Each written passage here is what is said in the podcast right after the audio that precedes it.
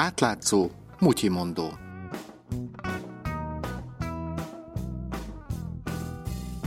Üdvözlöm Önöket, Somodi Dánielt hallják. Nemrég új tulajdonosa lett a hányatott sorsú Turai kastélynak. Egyelőre rejtőzködik, de sokan a miniszterelnök sógorát Tiborsz István sejtik a háttérben. Hogy ezt mégis mire alapozzák?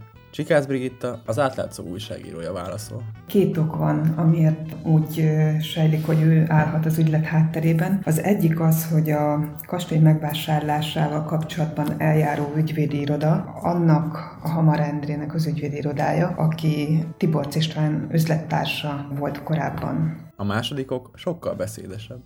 Lehet, hogy csak egy gondatlanság, egy apró hiba. A kastélyhoz hozzájutó cégcsoport egyikénél a bejegyzési illetéket a cégbíróságon, mintegy 100 ezer forintot Tibor István tett le személyesen. Az M3-as autópályához közeli településen található, könnyen megközelíthető, 10 hektáros park közepén fekvő kastélyt a második világháború után kobozták el az építető Schosberger családtól.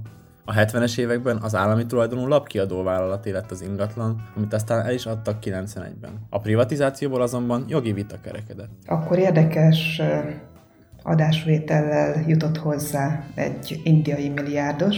Miután ez megtörtént, észbe kapott az önkormányzat is, mert a cégnek tulajdonjoga nem, csak működtetési, üzemeltetési joga volt a kastélyon, és lényegében a per eredménye az lett, hogy az adásvétel megtörtént, de az önkormányzat is részesült az összegből, amiért elkelt az ingatlan. Hosszú évekig nem igazán tudott mit kezdeni a kastélyel az új tulajdonos. Az eredeti elképzelés szerint szállodává építette volna át, de ebből nem lett semmi.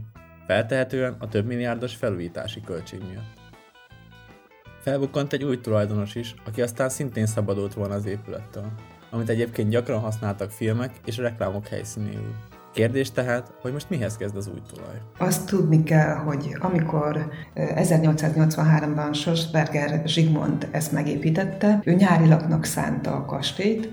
Fűtés van benne, de hatalmasak a terek, nagyon nehezen átfűthető az egész épület. A lakhatás tehát nem valószínű. Minden esetre a parkot már kezelésbe vették. Ezt látták a helyszínen az átlátszó munkatársai. A turaiak arra vágynak, hogy végre a régi fényben csillogjon a kastély, örülnek annak, hogy történik valami ennek érdekében. Akit megkérdeztünk, persze, mint mindenki erre kíváncsi, nem látták Tibor Istvánt és a feleségét Orbán Ráhelt, tehát ilyen tulajdonosi jellegű mozgolódást, vagy hogy ilyesmiről nem tudtak beszámolni, nem ismerik egyébként a helybeliek, hogy ki lehet az új tulajdonos. Csikász Brigittát, az átlátszó újságíróját hallották.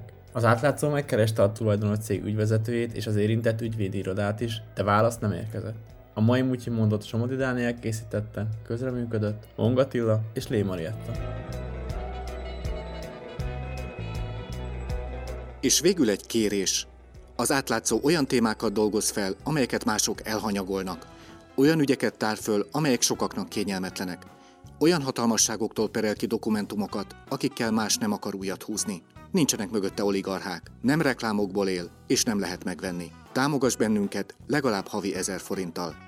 Részletek az átlátszó weboldalán.